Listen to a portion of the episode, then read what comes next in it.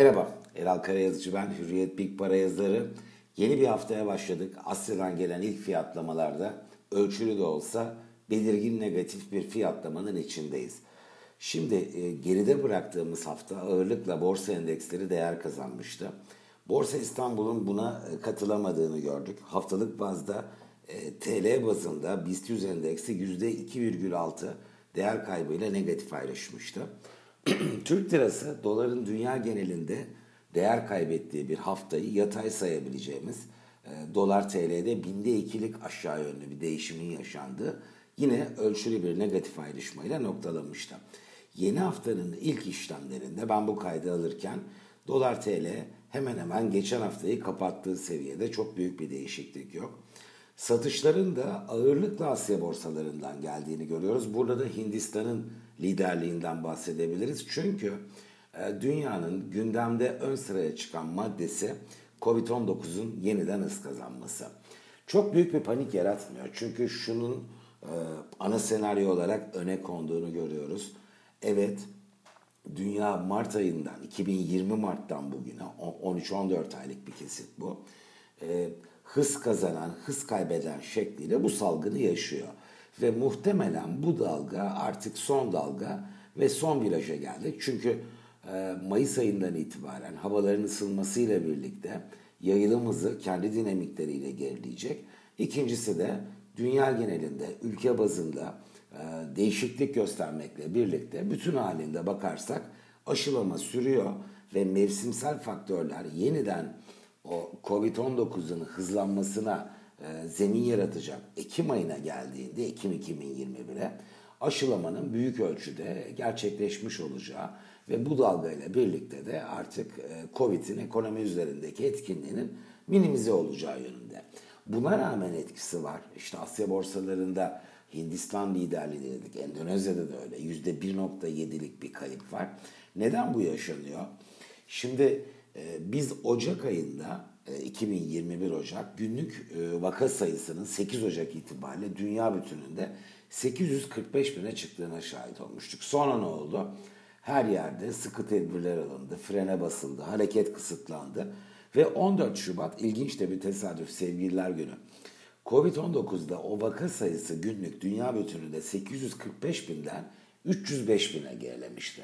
Şimdi nedir derseniz pazar günkü veri yeniden 305 binden e, başlayan yükselişin 786 bine ulaştığı yani o Ocak ayında görülen en yüksek değere çok yaklaşıldı. İşte Hindistan burada öne çıkıyor. Yeni tedbirler de almak zorunda kaldılar. 170 bin vaka sayısıyla bu 786 bine çok kuvvetli bir e, katkısı etkisi var. Kötü bir şey elbette iyi bir katkı değil bu. Brezilya yine 90 bin civarında devam ediyor. Çok sıkıntılı Brezilya'da. Türkiye'de de 50 binin üzerine çıktı vaka sayısı ve kendi bölgemizde e, Covid-19'un hızlanışı adına e, daha öne çıktığımızı e, ne yazık ki söylememiz gerekiyor. Peki ne olacak? Piyasalara dönelim şimdi. Covid nedir bu kadar yön veren? Elbette farklı faktörler de var ama gördüğüm kadarıyla fiyatlamalarla ilk etken bu.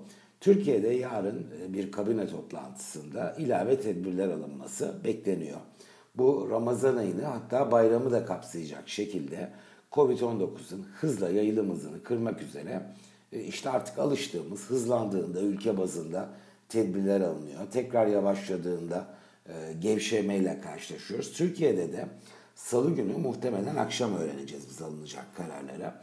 Bir takım tedbirler alınacak. Bu zaten geçen haftanın ikinci yarısından itibaren beklenen ve ufuktaki kötü haber olarak e, görülen unsurdu. Türkiye'nin negatif ayrışmasında bence geçen hafta özelinde bu faktörün etkisini gördük.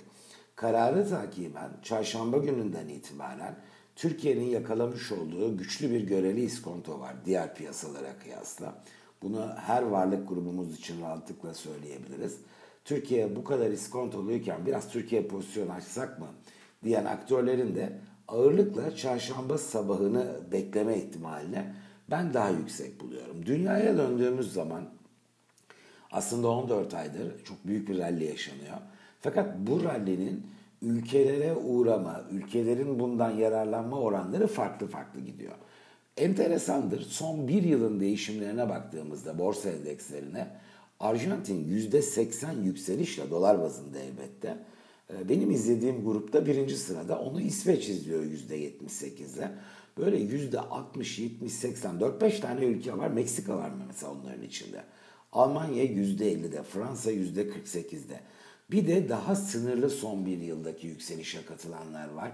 İşte o Brezilya %30, İngiltere %28. O da gerilerde kalmış. Singapur %30.